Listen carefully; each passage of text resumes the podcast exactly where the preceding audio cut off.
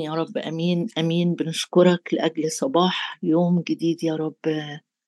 صنعت فيه كل شيء يا رب. حسنا بيرفكت يا رب. أشكرك أشكرك. لأنك تجعل مطالع الصباح والمساء تبتهج أشكرك يا رب لأنك أعددت لينا وليمة سماء. أشكرك يا رب لأنك ترتب قدامي مائدة تجاه مضايقينا وتمسح بالدهن رؤوسنا. أشكرك لأجل يوم جديد يا رب تشرق لينا فيه أشكرك لأنه الشعب الجالس في الظلمة أبصر نورا عظيما. أشكرك أنت المشرق من العلاء. تشرق تشرق يا رب بنور تشرق براحة تشرق بحب تشرق بفرح تشرق بسلامك يا رب على كل قلب قدامك وعلى كل بيت قدامك. أشكرك أشكرك لأنك قلت سلاما سلاما أترك لكم سلامي أعطيكم أشكرك لأجل ما تركت وما أعطيت لينا. مبارك أنت سيدي نعم يا رب أشكرك وأنت رئيس سلام ولملكك وللسلام لا نهاية. تأمر فيصير نعم يا رب تبدد كل انزعاج وكل توتر وكل حيرة قلب وتعطي سلامك الذي يفوق كل عقل. تدعونا يا رب إلى الراحة. أشكرك لأنك تدعونا إلى التمتع. أعطيتنا كل شيء بغنى للتمتع. أشكرك لأننا أخذنا منك كل شيء من يدك أخذنا وأعطيناك. أشكرك لأجل عينك المفتوحة علينا من أول السنة إلى آخرها. أشكرك لأنك أرسلت ابنك لكي يطلب ويخلص ما قد هلك. وأشكرك إن من يقبل إليك لا تخرجه خارجا. وأشكرك يا رب لأنه ليس بكيل. تعطي الروح للذين يسألونك. نسألك يا أبا الآب لأجل معونة الروح القدس في هذا الصباح روح النعمة والتضرعات. نسألك لأجل زيت طريق جديد. نتدهن بزيت طريق جديد ويتلف النير بسبب المسحة. أشكرك لأجل المسحة الثابتة فينا التي تعلمنا كل شيء. وكما تعلمنا نثبت أشكرك أشكرك لأنك إله كل نعمة الذي يكملنا ويثبتنا ويقوينا ويمكننا. وأشكرك إنه ونحن جميعا جميعا ناظرين مجد الرب بوجه مكشوف كما في مرآة نتغير إلى تلك الصورة عينها. أشكرك لأجل التغييرات الجديدة. أشكرك يا رب لأجل أمور تستبدل في حضورك. أشكرك لأنك قلت أعطيهم جمالا عوضا عن الرماد.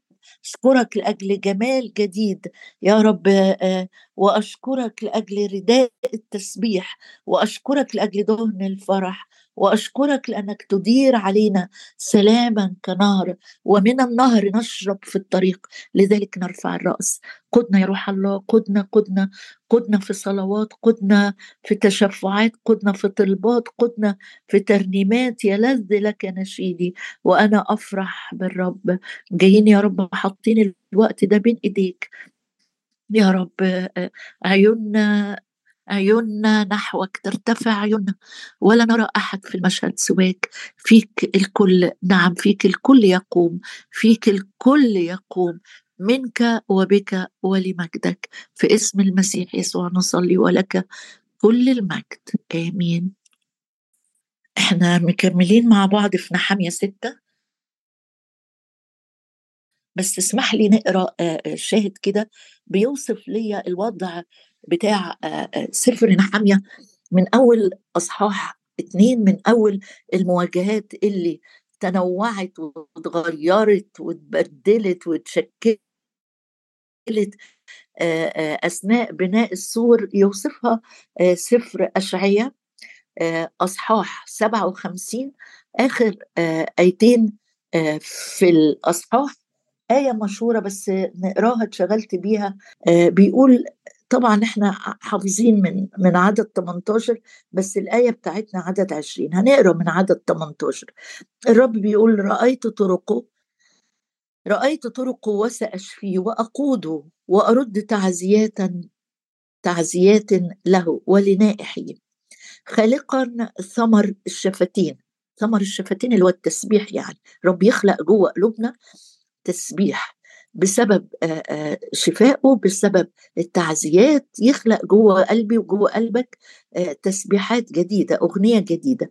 سلام سلام للبعيد وللقريب قال الرب وسأشفيه العدد بتاعنا اللي زي ما بقول لك بيوصف الأحداث اللي عدى بيها نحميا رجل الله العظيم اللي عامل العمل العظيم.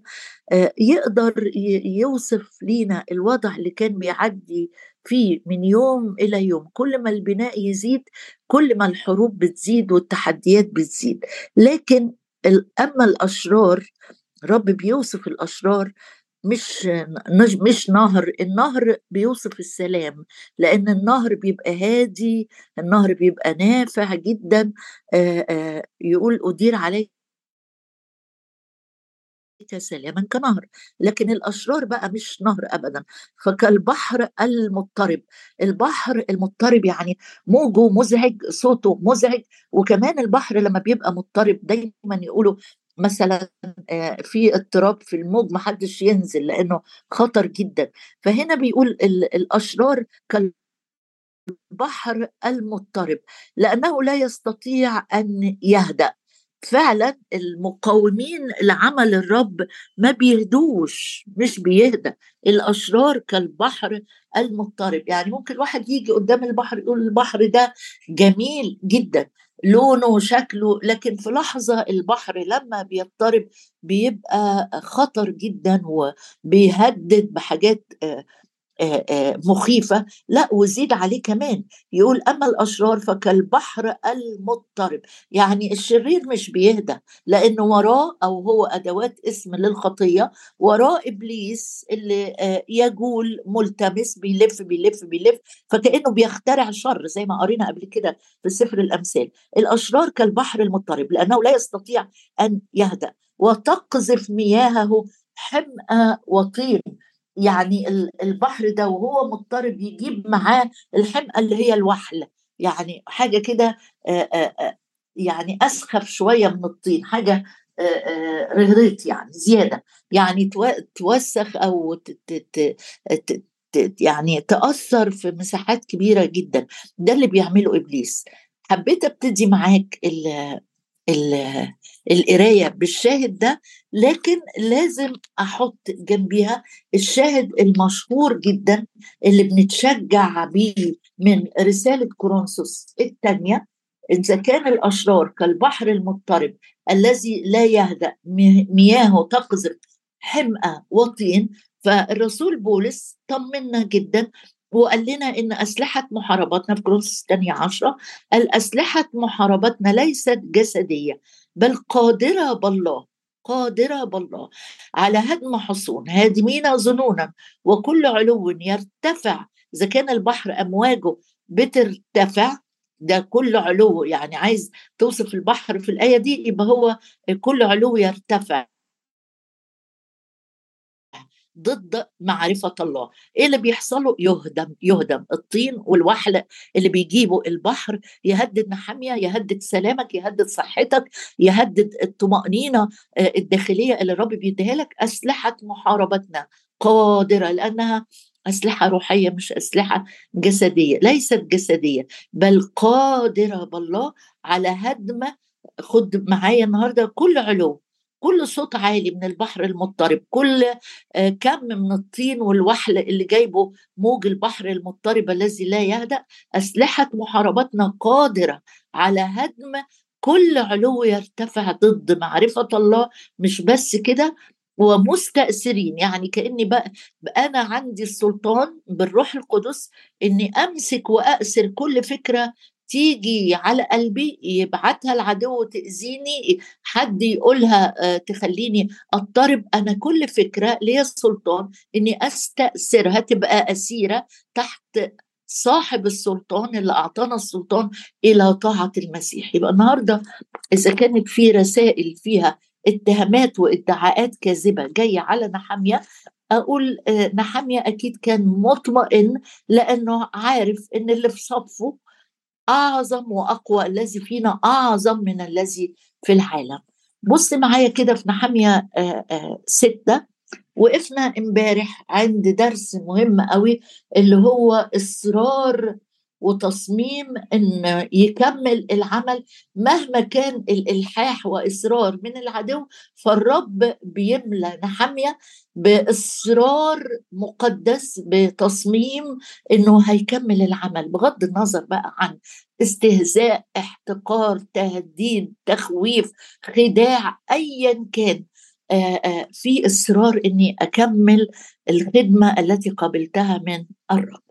بعتوا له أربع مرات يلا انزل تعالى قابلنا عايزين شكلهم كانوا فريندلي كده من غير تهديدات ولا حاجة. المرة دي بقى باعتين رسالة مكتوبة ويمكن لما نقرأ الجزء تقول طب إيه المشكلة؟ تعالى نقراها. فأرسلت إليهم رسلا عدد ثلاثة قائلا إني أنا عامل عملا عظيما فلا أقدر أن أنزل لماذا يبطل العمل بينما أتركه وأنزل اليكما مش وقت وأنا مش انزل مفيش أصلا مصالحة مع أعداء الرب.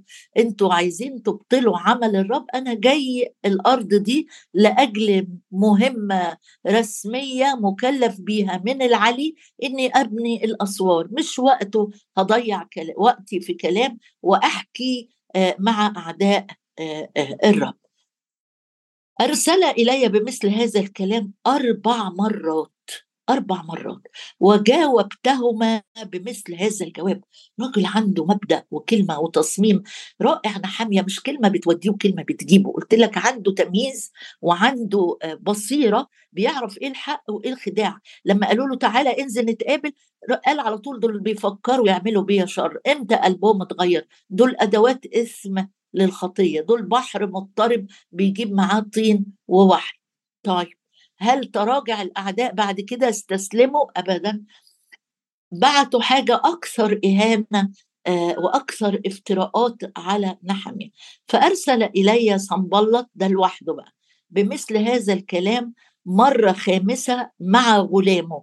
المرة دي بقى بعتوا له رسالة منشورة بيده.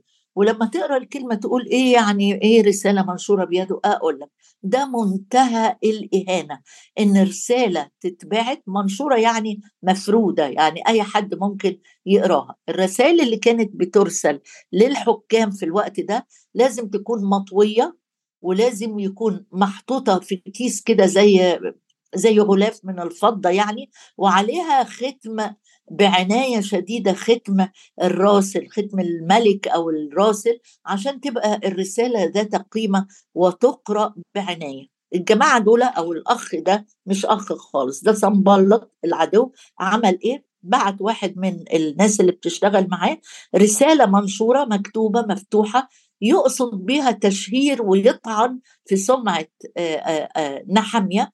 وأي حد هيقابل الشخص ده في السكة ممكن يقرأ الرسالة. عشان كده بقول لك دي أولا رسالة محتواها مليان افتراءات. وواضح إن صنبلط وحده مش مشترك معاه لا جشم ولا طوبيا هو وحده أبعت الرسالة بدون أن يشرك معه الآخرين. وبعتها بطريقة زي ما بقول لك كده فيها استهزاء شديد من العدو وفيها افتراءات. بس بالرب يعظم انتصارنا. قال الرسول بولس نحن لا نجهل أفكاره. ولما جه يتكلم عن الحرب الروحية قال البسوا سلاح الله الكامل لكي تقدروا أن تثبتوا ضد مكايد إبليس. يعني الأشرار دول آه، ما بيهدوا ما فيش هدوء عندهم وهم بيبتكروا طرق يعكننوا بها على نحامية يخوفوه بها وهو بيقول في الآخر بعت رسائل يخوفني بس أنا تشددت بالرب إلهي. عايزة أقول لك موضوع الرسالة إيه؟ إيه موضوع الرسالة؟ رسالة منشورة بيده مكتوب فيها قد سمع بين الأمم يعني إيه؟ دي إشاعات أو دي أخبار أو دي أحاديث أقاويل منتشرة وجشم. يعني صنبلط اللي باعت بس بيقول له ده جشم اللي بيقول مش أنا اللي بقول. سمع بين الأمم وجشم يقول يعني بص كمان الأعداء بيفتروا على بعض. هو كده مش إحنا امبارح قلنا إن الذكي بينتبه لخطواته. مش كده؟ قلنا قلنا شاهد كده الغبي يصدق كل كلمة والذكي ينتبه لخطواته. الحقيقة صنبلط ده مش ذكي ابدا. يعني أنت بعت رسالة تقول إن فلان هو اللي بيقول طب قول أنا الأمم بيقولوا لكن بيطعنوا في بعض في ظهر بعض. فأرسل إلي صنبلط بمثل هذا الكلام مرة خامسة مع غلامه برسالة منشورة قد سمع بين الأمم وجشم يقول أنك أنت واليهود تفكرون أن تتمردوا لذلك أنت تبني السور لتكون لهم ملكا حسب هذه الأمور. يعني باعت رسالة تتقري من أي حد في السكة في الطريق يوقف الرسول ده ويقول له إيه اللي في إيدك دي الورقة المكتوبة. هيقرأ إن نحمية آه، بيشيع أو بيقول إنه بيتمرد على الملك الفارسي مع إن نحمية مرسل من الملك مش الم... مش هو كان ساق الملك وعارف كويس قوي الرسائل بتتبعت للحكام شكلها إيه. واحد واقف جنب الملك ماسك الكأس بتاعه المشروب بتاعه. فأكيد يعني كل رسالة جاية للملك واضح مكانة نحامية كان بيشوف. فلما العدو يبعت له رسالة شكلها كده ورقة مكتوبة مفتوحة ولا مغلفة ولا مختومة يعني واصله له من قبل ما تتقري إنهم بيهزقوا بيك إنهم بيتهموك ويدعوا آه، ادعاءات كاذبة ومش غريب إن الخادم يحصل معاه كده. إذا كان مع رب المجد نفسه لو فتحت معايا إنجيل لوقا تعالوا نقرأ في إنجيل لوقا كده آه، آه، في محاكمة الرب افتروا عليه افتراء مش حقيقي ابدا. في إنجيل لوقا وأصحاح 23 قام كل جو أول اعداد قام كل جمهورهم وجاءوا به إلى بيلاطس جمهور الكهنة والفريسيين والجماعة دول. وابتدأوا يشتكون عليه قائلين إننا وجدنا هذا يفسد الأمة. قال إيه يسوع بيفسد الأمة؟ ويمنع أن تعطى بص الافتراء بص الافتراء. ويمنع أن تعطى جزية لقيصر. هو الرب عمل كده. ده لسه علم أهو. من ما فيش ما عدتش ساعات وهو بيقول أعطوا ما لقيصر لقيصر وما لله لله. ده هو اللي يوم ما بطرس جم يطالبوا بالجزية قال له آآ آآ أوفي عني وعنك لئلا نعثرهم يعني رب كان بيطيع القوانين المدنية حتى لو هي قوانين فيها ظلم لكن ما كانش متمرد على القوانين الرومانية ابدا. لكن الاتهامات والإفتراءات كانت بتلاحق الرب يسوع وخدام الرب يسوع. عايزة أقول لك حاجة. الموضوع الرسائل دي موضوع ده موضوع كبير. ممكن أنت تبقى تقرأ بعد ما نخلص الاجتماع بص إزاي مثلا داوود الممسوح بعت رسالة ليؤاب الرسالة دي مكتوب فيها حط أورية في الصفوف الأمامية لكي يقتل. يعني الرسائل كانت أمر معروف مثلا. إيزابل بعتت رسائل تقول للي عندها كانت عاملة مؤامرة على قتل نابوت عشان ياخدوا الحقل بتاعه عشان أخاب كان نفسه في الحقل ده. بعتت رسائل قالت لهم صوموا واجتمعوا ومش عارفة إيه وهاتوا نابوت. يعني الرسائل ده أمر مع معروف في العهد القديم كأنه واحد آه، باعت تهديدات بس بطريقة اندايركت آه، آه، غير مباشرة. ده اللي حصل مع نحامية. إيه اللي يخصني أنا أنا شخصيا وأنت النهارده ليه الرب سامح إن إحنا نقرأ الجزء ده؟ هقول لك افتح معايا رسالة تسالونيكي والرسول بولس قالها صراحة بقى.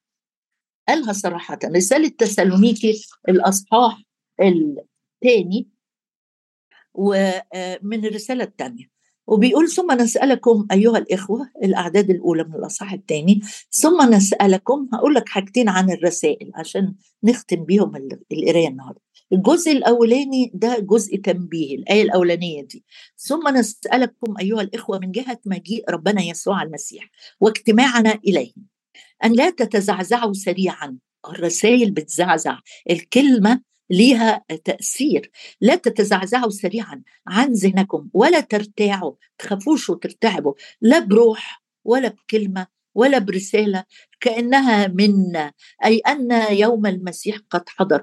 كان في فكرة انتشرت وسط مؤمنين تسالونيكي آه، ورسائل بتتبعت وحد يبعت كلمة وحد يقول آه، نبوه كاذبة إنه خلاص ده يوم الرب إحنا في يوم الرب. آه، فإيه اللي كان بيحصل عندهم؟ خداع. للمستوى إن هم قالوا إحنا مش عايزين نشتغل ولا نبذل مجهود. إحنا قاعدين مستنيين يوم الرب أهو جاي أهو إحنا مش هنشتغل. فقال لهم لا يخدعكم أحد على طريقة ما. ده في علامات لمجيء الرب هيسبقوا الاختطاف وبقية التعليم عن الأمر ده. لكن اللي يخصنا في الشاهد ده إنك ما تتزعزعش عن ذهنك عن تفكيرك عن قناعاتك عن تعليمك الروحي. لا بروح ولا بكلمة ولا برسالة تجي لك امتحن كل شيء. تقول لي إيه؟ طب ليه أنا النهارده محتاج أقرأ عن موضوع ده أنا حامية جات له رسالة وجاله تهديد وجاله أمور فيها ادعاءات كاذبة وافتراءات. أنا يخصني إيه؟ أقول لك يخصك جدا. افتح معايا رسالة كورنثوس الثانية نختم بالشاهد ده رسالة كورنثوس الثانية وأصحاح ثلاثة وعدد ثلاثة يقول الرسول بولس أنتم رسالتنا. هو كان بيبعت رسائل للكنايس بس بعت لمؤمنين كنيسة كورنثوس بيقول لهم أنتوا الرسالة بقى. أنا مش هبعت رسالة مكتوبة أنتوا الرسالة. أنا وأنت حياتي سلوكي كلامي قراراتي تحركاتي الأمور اللي ظاهرة قدام الناس دي رسالة. ده إنجيل مقروء. بولس في حتة تانية في رسالة روميا. بس خليني الأول أقول لك الشاهد ده. أنتم رسالتنا مكتوبة في قلوبنا. يعني أنا مش بعت رسالة في ظرف هتقروها. ده أنتوا الرسالة بتاعتي مكتوبة جوه قلبي. والقلب ده يعني قلبي بقى. أنا ببص في قلبي أشوف إيه اللي جوه قلبك. الناس اللي بتخدمها دول الناس اللي كان بيخدمهم. أنتم رسالتنا مكتوبة في قلوبنا.